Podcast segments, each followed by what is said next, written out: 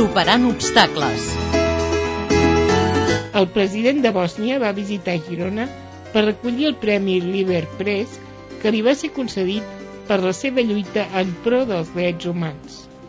En el transcurs de l'estada va comentar a aquest programa quina és la situació de les persones que per causa de la guerra tenen una minusvalidesa. Així explicava com veu en aquests moments la gestió d'aquest tema i la situació d'aquestes persones a Bòsnia. Bolje posebno kada su u pitanju Soc conscient que es fa el que es pot en el terreny de la seva vida quotidiana, però es podria fer molt més perquè facin la seva inserció laboral. Ara mateix no és satisfactòria perquè el país està en una situació molt dolenta. Després que un país pateixi un conflicte bèl·lic, una gran part de la seva població, sobretot joves, veuen totalment canviades les seves capacitats físiques per amputacions, ferides irreversibles, etc. La vida que els queda per davant és molta i obliga als governs actuals a crear polítiques i suports econòmics que canalitzin la inserció laboral i socials de totes elles.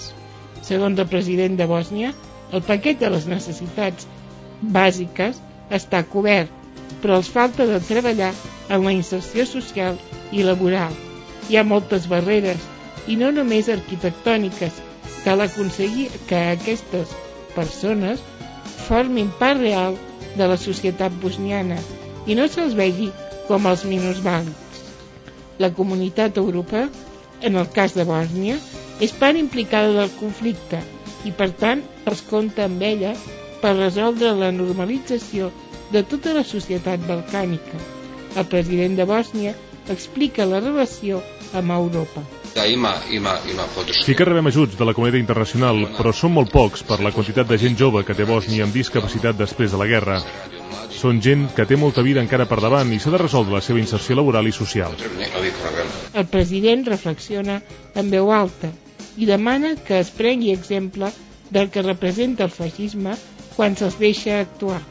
Espera que tots aquells que ara pensen començar una guerra valorin els resultats que hi ha en el seu país i que els fills de les actuals generacions rebin una altra escala de valors.